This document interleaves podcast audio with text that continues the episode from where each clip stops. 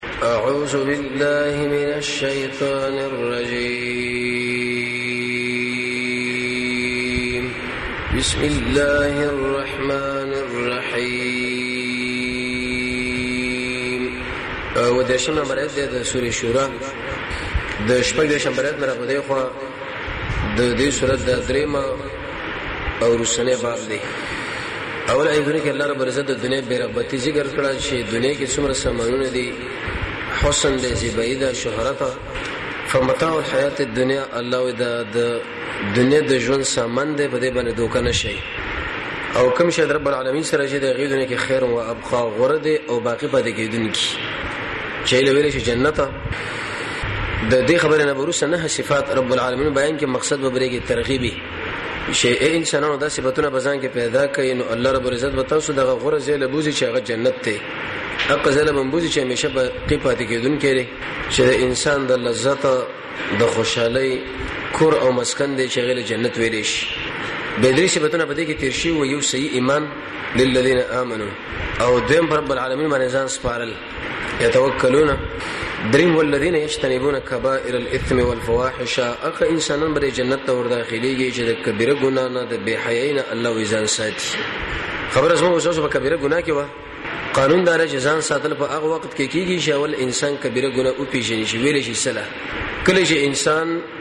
او پیژنې د ان اورسو به دا کوشش کې چې ځان ته بچ کې تر څو د جنت نه په محروم نشي امام زهبي رحمه الله چې دا راځه بغړي تقریبا اوې دانې شمارلې ابن حجر اسقلانی سلور سو دیر شو پوری او پروت د عبد الله ابن عباس وو ونیم سو دانی لیکن موږ تاسو ته یو سو ویلې یو سو نور په دین باندې چې انسان ته ځان وساتي تر څو پوری د جنت نه به برخې نشي قطو طریقه د رسول الله د حدیث معلومیږي لار شلول یو سړی ډاکوي په دې لار باندې د خپل ملګرو سره ولاړی چې کله د مسلمانانو ګاډي زی یا د قشندوی په دل روانې دی ورته مخې لره خته شو دی غوینه مالونه والی لوټی کی رسول الله فرمایي چې ليس منا دا سړی زموږ د امت نه بالکل نه دی قران کې رب العالمین د دې خلکو سرور سزاګانې ذکر کړې دی یو دا چې لاس نه کټ کړي دویم د ملک نه وشړی دریم وی وجنې سلورمه ځوړند کوي کدی سړي چرته مال اخیستې نه به ته لاس کټ کول پکار دي د رسول الله حدیث کې بیرغه تشریح د دیو جن قران کریم پر خپل تشریح کې د رسول الله سنت له زیات محتاج دی امام او ضعیف فرمای وی الکتاب احوج الى السنه من السنه الیه قران کریم پر خپل تشریح کې د رسول الله سنت له ډیر محتاج دی په نسبت سره دی لکه څنګه چې سنت د پیغمبر محتاج دی قران له لتبین للناس به خلکو له تشریح کوي او نبی کریم علیه الصلاه والسلام په دې نیت او په دې مسله باندې راغلی دی چې قران مجمل دی د موږ له تشریح کې چې لکه دا دی له ویلې شو دا دی له دا دی له او کله که صرف قتل کړي سړی وشت مال نه اخص نه به دا غو وشل په کار دی او کمال ما اخص نه به زړندول او وشل دلیل په دې والذین یشتربون کبائر الاثم الله وی هغه خلق دي تقوا والا شی به کبیره ګناهونه ځان ساتي معنا پر دې مسلمانانو لبلار نه بندي مال بتینالی کشرته وخصو د انسان کې کبیره ګناه را لو چې کله په هغه باندې اصرار وکړي دوام وکړي دې سړی دا نتیجه ځان له پیدا کړه د جنت نه محرومېدل حدیث کې راځي رسول الله فرمایي بني الاسلام على خمس شهاده ان لا اله الا الله وان محمدا عبده ورسوله الى اخر الحديث کبیره ګناه په ګناهونو کې دام دا چې انسان دا پنځه شی نه پری دي کلمه شهادت پری دي او د محمد رسول الله د رسالت نه انکار وکي مون سړی پری دي زکات پری دی روزه پری دی او حج لا اله الا الله که چرته پرې خو دا محمد رسول الله پرې خو دونو کدا سړی څومره عملونه ولي ونی کی د دې سړی یو عمل هم د الله دربار کې قبليږي نه د دې وجه صبر اسکرت پر درس کې د عبد الله ابن جدعان چې دا د عائشه رضی الله عنها خپلوان دي د رسول الله نه دا پوښتنه کړې ده چې یا رسول الله د بده حجاج لړې ډوډۍ ورکول یو شی بل شی بده باندې بل د بد څه بدله د لور کې کنه قال الله دغه توحید نه د رسول الله رسالت نه په ټول عمر کې شرط دا نه ویل چې الله ما معاف کا و اقام الصلاه رسول الله فرمایي اسلام په دې باندې جوړ کړی شوی دی چې سړی د منځ اقامت کی پابندي درسونه بار بار دا ویل کیږي دې لږ توجه کوئ چې اقامت الصلاه سره ویلې شي زموږ استاد ارمل غری خو جماعت لره شي دلته مونږ کو به دې جن شزونو ډیر انتهي زیات خوشاله و چې لکه مونږ د الله امر په ځای باندې کې والله مونږ د دې په مقابل کې بدل راکې او جنت برای کې مزي برای کې راځي چې نن رسول الله د خبرې تشریح کو او اقامه الصلاه د منځ پابندي د منځ پابندي سره ویل شي چې کله د 15 شرطونه زموږ بر منځ کې موجود شي وزورته ګورئ کله که پنځه شرطونه زموږ پر منځ کې موجود نه به موږ یقیني د اقامت الصلاه ولا یزمو پر منځ به الله موږ له جنت راکې او کدا شرط به موږ کې موجود نه نو ګورم موږ به اشه ځان سره کې امام بیزوی رحمه الله فرمای اول دا چې په یوځای کې د خلق خلق د منځ سره آشنا نه یو ته رسول الله د سنت برابر منځو کې تر څو پر د خلق آشنا کې چې ای خلکو تقل ویل شي منځ نور حکمتونه په فلسفه پرې ده ځکه ګران دغه دویم شرط د اقامه صلات دا منه چې انسان به د مونږ کوي خو لیکن وخت به پیژني رسول الله فرمایي عليه الصلاه والسلام ویکم انسان چې د مونږ رسته کوي ورسته کوي تر دې پوري چې د غرغره حالات شي وي فتلک صلات المنافق در منافق انسان مونږ دی مخکې کې د شپې منافق نه لیکن چې همیشه د مونږ رسته رسته رسته کوي بس اخر نتیجه بر منافق شي دریم چې دا په کم ځای باندې تودريږي د دې ځای پیژندل پکار دی چې لکه دا ځای پاک دی او کدا چرته ګندره دا د غصب زمکه دا کو چیرته دا په حلالو پیسو باندې خستلې شوی دا کم انسان چې په حق ځای کې منځو کې چې باغې ځکه الله رسول منع کړي نو کدا سړی څومره منځونه وکي دا د اقامت الصلات ولا نه دی اسې اندستړي او خدای ناراضه خلک دا وایي او سلورم بغیر محمد رسول الله تابعداري صلو کما رایتمونی رایتمونی اصلي او کما قال امام الحديث ناصر الدين الباني سه درې جلد کتاب د منځ باره کې ولیکو صفت الصلات چې محمد رسول الله څنګه مونږ کړي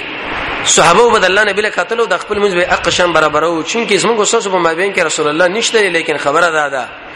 چې د رسول الله احادیث دلته کې موجود دي مونږ به د خپل مونږ د تکبیر تحریمانه تر سلام او اسکار پورې د رسول الله په سنت باندې ګورو تلوبي اهل المدعي بارے کتابونه لیکلي عربي کې پښتو کې جدا جدا او بنځما الخشوع اقام الصلاه د مانځه پابندي هغه وخت کې راځي چې کله د انسان په مانځه کې خشوعي امام غزالی شه د امت مسلمه یو عالم دی هغه فرمایي چې د تکبیر تحریمه نه نیولې تر سلام ګرځولو پورې په ټول مانځ کې خشوع پرز ده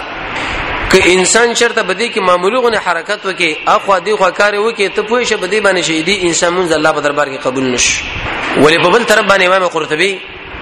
امام الوشیر حلمانی کې دا خبره ذکر کړې ده ک ټول منځ کې د انسان خشوع وشول دا خو نور لا نور دی لیکن که یو ملټ نیم ملټ په اندازه باندې چرته خشوع وشول اوم د منځ قبولیت ور باندې راځي خشوع به سره ویل شي امام بغوی رحمه الله یو تعریف کړو ډیر نشه تعریف دی وز د خپل منځنه په تلای اول زه به تاسو که انسان په دې منځ کې ودرېږي او بيزي حرکتونه ونی کې کله یو ځای ګرول او کله بل ځای کله یو ځای لکتل او کله بل ځای نو دې سړي په منځ کې خوشور اعلی لیکن کدا به چرته ګډ وډ ګوري را ګوري زم به کې بيزي ګرای را ګرای بيزي التفاتات پکې کوي ته پوه شه بده باندې چې دې انسان منځو شو به خوشو الله نه قبلې څلور قسم التفات ته یو التفات دی ویل چې سړی بالکل د خپل سینې پر طرف باندې تاو کی دې سره هم بالکل برباد دی دویم التفات دی ویل شي چې سړی نه غولار دی لیکن دا څټ د چتاو کی د موږ بربادي دریم التفات دی ویل شي چې سړی د سترګو په دې کنجونو کې اخوا دی خو وګوري دی کې به موږ برباد نشي لیکن ښه عمل لري څلورم چې د خپل زړه د رب العالمین نه په بل تر باندې نه کی شیخ الاسلام ابن قیم رحمه الله لیکي وی کم سړی چې په دنیا کې د قران او سنت تابعداري کوي رب العالمین ورته د منځ خشوع نصیب کوي چې د قران او سنت تابعداري نه کوي د دې انسان د منځ خشوع ورکړه اسی لیکینو یو اثر کې راځي رسول الله فرمایي رب العالمین فرمایلی دی وکله چې انسان په منځ باندې ودرېږي او دا د خپل جبا خپل بدن رب العالمین له حاضر کی لیکن د زړه سوچ د دکان سره زمیداری سره کور سره ملګر سره رب العالمین ورته وایي چې ابن آدم اے د آدم بچیا دا زړه د زمانه غافل کړي دي بدن د حاضر کړي دي ژبه د حاضر کړي دا باطل ما تسحبون چې دا څومره مزونه تاسو وکړه دا ټول زما په نسبت باندې برباد دي دا زموږ الله خبره ده اوس ګور چې موږ دلته خپل زړه حاضر کړي دی کنه بدن خو مر حاضر کې دکانداریم پرې خو دا کورم پرې خو د جمعه تراولو چې ایزړه زموږ برابر دی که برابر نه دی که شرط برابر نه په یو سوچ او بل سوچ کې نو رب العالمین فرمایي چې تاسو دا ټول مز برباد دی د الله ویل دي دویما یو اثر کې راځي وکړه چې انسان په مانځ باندې ودرېږي رب العالمین ملائکه له وایي چې زما د بنده په مابین کې دا پردې لري کا لیکن چې دا سوچونه شروع کی یو طرف او بل طرف باندې نو ملائکه له وایي چې دا پردې رو غرزه واسه کړې دې سړي په ګډ وډو باندې سر شو یو عمل په خپل دربار کې نه قبلو او کله اته کله به انسان موږ کو بر خپل منځ رب العالمین دا جهنم له بوزي دغه وجه دا ده قران کې الله عزوجل فرمایي و عاملت الناس با دا خلق دومره منځونه وکي او دومره عملونه وکي ځان ستړي کې او تسلا نارن حامیه الله وي بیم جهنم لدا بوزم منځ موکا ځانم ستړي کا واخر نتیجه څنګه دا جوړ شي جهنم یو اثر کې دام راغلي دی وکړه چې انسان په منځ باندې ودرېږي او په اخو دي خو سوچونه باندې اخته شي الله رب العزت فرمایي چې ابن آدم اے دا ادم بچیا انا خیر زه غریم د اق شان چې تا د خپل ذهن الته بن کړي چې هغه خزه دا کاغه بچی دی ملګری دی دکان دی ځمېدار ده معاذ بن جبل چې دا د رسول الله ملګری دی هغه څه فرمایي وکله چې انسان منس کوي من صلى وعلم او دا خبره معلومه کړه چې د کی طرف لمه احمد دی او د چپ طرف لمه محمود دی فلا صلات له د دې سړي بالکل منځ ونش دا صحابي فتوا ده موږ تاسو ځان لوي اهل سنت والجماعت اهل سنت دا منه د محمد رسول الله په روان او جماعت دا منه دغه د ملګرو په روان که یو سړی و دې صحابي دی قول له وګوري چې مونږ کوي د کی طرف او چپ طرف سړی او پیژند به مونږ ونه شو و سړی د خپل مونږ ګوري چې آیا زه اهل سنت والجماعت امکان از موږ د موږ د الله په دربار کې قبول شي کې قبول نشي موږ به کې لس کسان د شي پیژنو لس به کې د شي پیژنو سعید ابن جبیر فرمایي وی صلیت 40 سنه سلويخ کاله مامونس کړي دي لیکن دیکي طرف او چپ طرف سړې منه ده پیژندلې چې دا پکې احمد دی او کدا پکې محمود دی عبد الله ابن زبیر دا بل صحابي د مونږ کړي د پاسه د توپ دس په وشو من جنیق د ورسه جامع ته ټول ویوړل د ختم کړي لیکن د خپل مونږ جاری وسه د چرته قطنه کی سفیان ثوری فرمایي وی کم سړی چې مونږ کې او د پکې عاجزي ونه کړه تب تل د مونږ ټول د الله په دربار کې برباد دی حسن بصري فرمایي په زیاد دی باندې چې دا منز جنت لور باندې داخل شي الله رب عزت به په دقه منز باندې د جهنم منز لبوزي مخکې کې چې جهنمي نه خو چې د مونږ کله وکي ځان جهنمي کی امام ابو داود رحمه الله سیاستو کې سنن ابو داود یو غټ کتاب دی د اسمه اوسه د افغانستانو هغه یو روایت را نقل کړی دی د نبی کریم علیه الصلاه والسلام یو ملګری په منځ باندې ولاړ دی دشمن په دغه شو گزارونه وکړه لیکن د خپل منځ جاری وساتو بالکل هغه قطنه کی ابن کثیر البدایه والنهایه کې دا لیکلی دی وې د رسول الله ملګری چې په مانځ باندې ولاړو ته به دا ګمان کو چې بر سر باندې ورته مرغان ناشتي یا که مرغه به ور باندې چرت مجلس کې بچنا سو کومز به کولو د رکوع سجدي په حالات کې مرغه به پکې نه سو د به دا ګمان کو چې دا چرته کڼې بوټه پروت دی اقامه الصلاه دا معنا و ایتای زکات رسول الله فرمای زکات به ورکي زکات که شرط په مکه کې فرض شي به دا معلوم زکات دی چې په سترو زرو کې ونیمه تولې درې ته ګرام جوړیږي سپینو زرو کې 250 متولې او کچرته په مکه کې فرض نشي بلکې په مدینه کې به مراد د زکات نه په مکه کې دا منه هغه اخلاق خپلې شي پاغه باندې د انسان تشکیه کیږي سیدا منه صاحب د مرعات او ابن کثیر لیکلی دی چې زکات په مکه کې فرض په مدینه کې دغه تقادیر راغلي دي روزه نیول او حج کول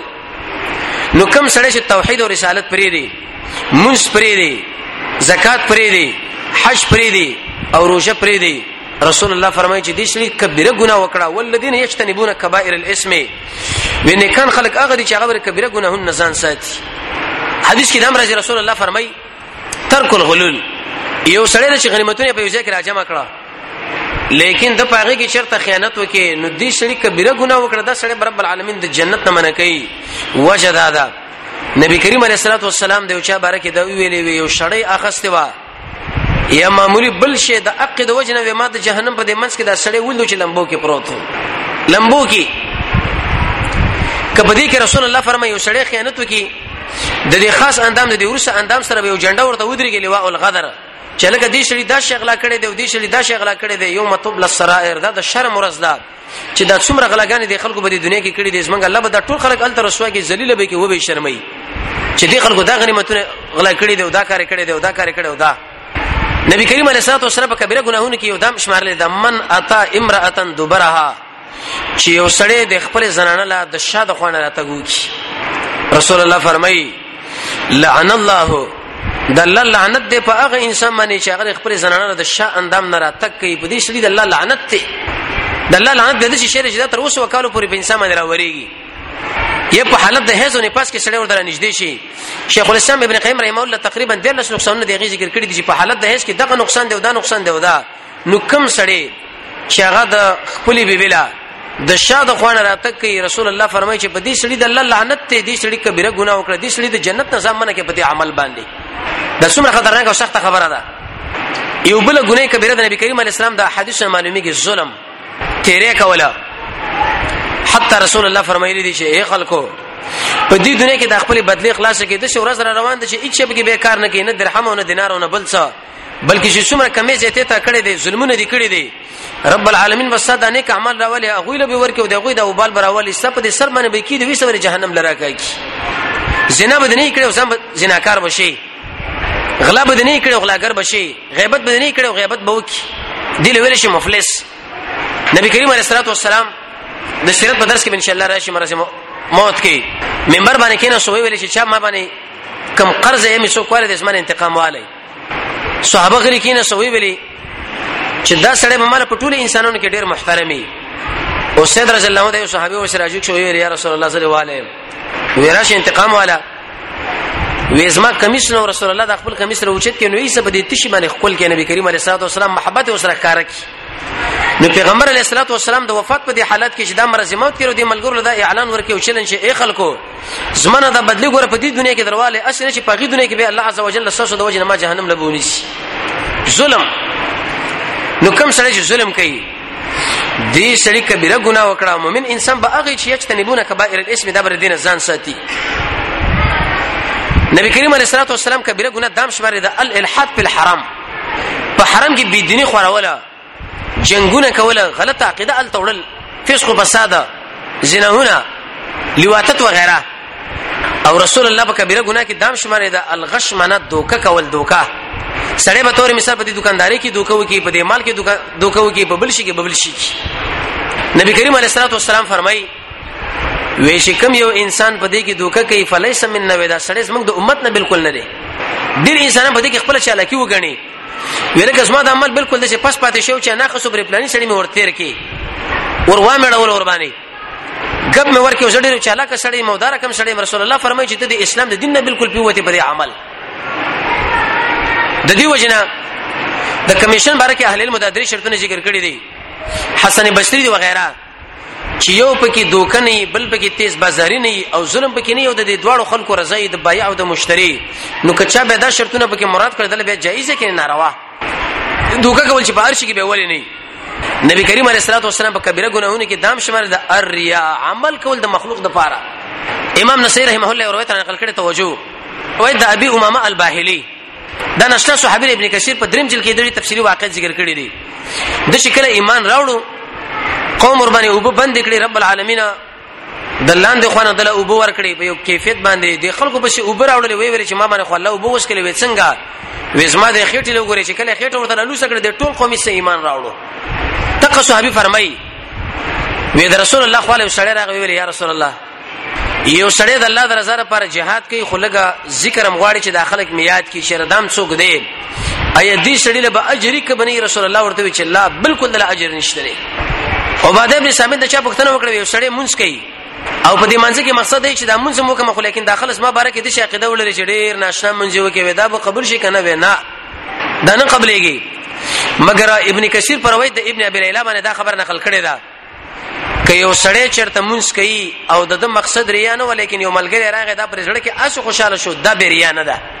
ځکه اول نه دا په دینت باندې ولاړ نه و دا به خوشاله دی نعمت دی چې الله دې شړي لورکه شیخ الاسلام ابن قیم رحمه الله فرمایي وکم سړی چې عمل کوي او په هغه کې اخلاص نه ریا پکې وېدا د سیده لکه سړی چې توشدان ډکړي او داخلي ورته تړلې نه چې خپل ځای لرسیږي ارڅ به ختم شي هیڅ شی به کې نه سلف دالي کړی دي وې په نیکانو انسانانو باندې د اخلاص ډیر ګران تمامېږي په نسبت سره دی خبرې لا چې هغه عمل وکي عمل اثر د اخلاص ډیر ګران دی دا ابو هريره رضی الله عنه ابن ماته په نامه یو سړی راغی ورته ویل شي ابا هريره د محمد رسول الله یو حدیث موږ ذکر کا وی هغه چې کله دی چې لبراغه چې قال رسول الله صلی الله علیه وسلم ایسو بهوشش دریز بهوشي پیراله اخر ویلي چې په ورځ قیامت به د درې کسان رب العالمین راولي یو به عالم راولي یو به شهید راولي بل به مالدار عالم لبو چې علم مې درکړې او ته په څه چل کړې دی الله په دې جمعات کې مې درس کړې دی او په اق مدرسه کې مې کړې دی او په دې ځای کې او په هغه ځای کې وې مقصد دې دار چې داخله ستا باره کې د اوچت عالم عقیده ولري او دا نومي تعالی درکړې دی راکګه د عالم جهنم لا شهید بمرا ولې په دې کیفیت چې ستا مقصد الله رضا نه او صرف خپل قهرمانیت ماندارم ابن ماتی چې کله شام لاړ بهر معاویه رضی الله عنه دا حدیث ویلې وی اسغه وژړل ملګرو ویلې دا چې هغه ولې داس مونږه امیر وژړل وی قسم په الله معاویه سه به دا خبره رښتیا ده سفیان ثوری به چې کله د قران او حدیث د درس ناسو چې اوچت بشن و به شړل چا به ورته ویل چې ولې شړې وې مخکې مې علم نه ولې کوم اوس مې علم راغی زم پوه شم زما د ملګریم پوه شو چې اوس پکې نقصان کوو نو موږ رب العالمین جهنم لبوزي اخلاص دې ضروری دی او دا په دې باندې راځي چې شړې په الله ایمان ولري په قیامت ولري د الله د عظمت عقیده سړي له برېځړه کې پرته وي د چا د مت یو د زم نه متاثر نه شي هغه اسباب استعمال کی چې عمل په قبول شي د عمل نه ورسته وشاړي د رب العالمین سره محبتي د قران سره تعلق د حرام سره ځان وساتي د دنیا نه بیرغبت شي مجاهده کوي عمل کوي پټه دعا د الله رب العزت نه غواړي هر شي کې نیت کوي او د دې ټولو باوجود خپل ځان رب العالمین له محتاج غني دا سړی به دریانه بچ کیږي یجتنبون کبائر الاسم لو دریانه به د خلک ځان ساتي جناب نبی کریم علیه الصلاه والسلام یو بل کبیره ګناه دا ذکر کړي من اتا کله چې وسړی منتری لراشي کاهن لا دا پرونه چې د خلکو ګوري را ګوري چې لکه سبب دا کار کیږي او بل ورځ بدا کار کیږي رسول الله فرمایي چې کله یو سړی د دې سړي خو الله راشي او د په خبره باندې تصدیق وکړي یو خو څلوي خورې چې دې انسان مونږ قبلېږي نو بل دا سړی په قران کریم باندې کافر شو نن مونږ ټول لري په سیمنډي وایو چې لکه تاسو ماره پالو ګره دا څنګه لري څنګه نه لري شیخ القرآن مولانا محمد طاهر رحمه الله دا وې زه شوکیتګار کې را روان وې سړیو چې څه پنجري منجري وسړې پای کې څه توتې نه مو وی اصول کتاب مخه لپاره ته بری کې د خلکو پالونه نیول قتل چې لکه صاحب څلور کیږي او صاحب ته بچي دی بل به دومره مالداري وی ما ورته ویل صاحب څه شل کوي زه دا پالونه ګورم وی ما عزت او خبر وکم سور په خلکو نه اخلي وی پنځه وی ما وی زب تعالی لس تر کما خو لیکن ته دا پال پکې معلوم کړي تر څو پورې به د سرو غرمول په دې ځای کې ناس وي وی مال وی زه شیخ مخ ته رېګا نو که چیرته دی خلکو یقیني دا شي نه معلومول نو په دې سمه کې به لاندې ستر زر دوی معلوم کړي وي خزانه به معلوم کړي چې د 50 روپو لس روپو دی خلکو په دې ځای کې ناشتي ګنده ویانه په دې خوا کې رسول الله فرمایي د دې سړي خوا لره تک او پاغي باندې تصدیق کوله وی یو خو په قران باندې کفر دی سلوي کړی چې دې انسان موږ نه قبلې کی دا خپرګره دا, دا پلانې دا پلانې زنانه مرجو نارینه مرجي دا بالکل کار کفر دی چې کله انسان د خپل رسول الله فرمایي چې دا سړی په قران باندې کافر شو لیکن خلک دا عادت کوي الته ورشي دي جل ورشي بل جره نبی کریم علیه الصلاه والسلام دا حدیث دا خبره معلومیږي چې کله وسړی سره زر استعمالي نارینا وې دې شړي کبیره ګناه وکړه زنا نه لم البانی شیب لیکلي د آداب او زفاف کې چې سره زر استعمال حرام دی مګر په درې شرطونو باندې جایز دی یو دا چې زکات به ورکړي دویم د خپل خاون لبه ښکار کوي او دریم په نه د فخر او کبر باندې به نه استعمالي نو کوم نارینه چې سره استعمالي رسول الله فرمایي کبیره ګناه وکړه مؤمنان اق انسانان دې اجتنبونه کبائر الاسم د ورخه مجامع چې کله سره استعمالي یو ماشوم له شولې شو عبد الله ابن عمر ایستغه کمی سر باندې وشلو لری کېتی او کله چې غلام د مالک نه وتښتي دام کبیره ګناه ده یو سره د منسکون کې مخې له تیریږي دام کبیره ګناه ده او د محمد رسول الله ملګرو له کنزل کول صحابه ولا امام بخاری رحمۃ اللہ علیہ په دې باندې باب خود لري باب حب الانصار من الايمان دا انصار سره محبت د ایمان دی رسول الله فرمایي چې الله الله د الله لحاظ کوي د الله لحاظ کوي زموږ صحابه مبارک امام مالک رحمت الله علیه فرمایي قرطبي کې نقل کړی دی وې کم سړی چې راجیک شو ساره او د د پزړه کې د یو صحابي سره د زری په اندازه باندې بغض او رانو وې دا سړی په اتفاق د ټولو علماو سره کافر دی شپه تیر شوه سر در باندې راغی لیکن د محمد رسول الله ملګری د ابوبکر نه ولې تر وحشی رضی الله عنه پورې د کې د یو سره د زړه کې د شورانه لاله چې لکه دا پکې دا رقم ترې دا پکې دا رقم ترې ته پوه شې په دې باندې امام مالک فرمایي چې ته کافر او تعالی په مالپه کې برخه نشته او کوم انسان چې هغه صحابه له کنزل کې رب العالمین په قبر کې ونسپي او خنجران جوړي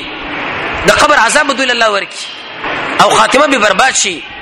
د محمد رسول الله د ټول ملګری د جنت ولې داس موږ مشران دي د ایسر محبت ایمان دی ایمان عائشہ رضی الله عنها فرمایي چې په کوم یو مجلس کې د ابوبکر د عمر د رسول الله تذکرې نه کیږي په دې کې به خیر نه وي نو یجتنبون کبائر الیس موږ یو څو ګناهونه نه ویلې لار شلوله منځونه زکاتونه روزي حج وغیرہ دغه پابندینه کوله خیانت کوله خپل زنانه له شاده خوانه راتله کاهنانو منتریانو خاله ورتله ریا کوله دوکي کوله سره زر استعمالول د منځ کون کې مخکې تیرېدله اقا غلام چې د مالک نه تختی او د محمد رسول الله د ملګرو سره په دې سره کې ورانه لرله دی لوي شي کبیره ګناونه یو درس ان شاء الله کبیره ګناونه کې بل پاتې لري معنا د ایت بدی والذین الله ودا اغه انسانان دي یشتنبون کبائر الاثم چې دوی بزان ساتي د کبیره ګناهونو نام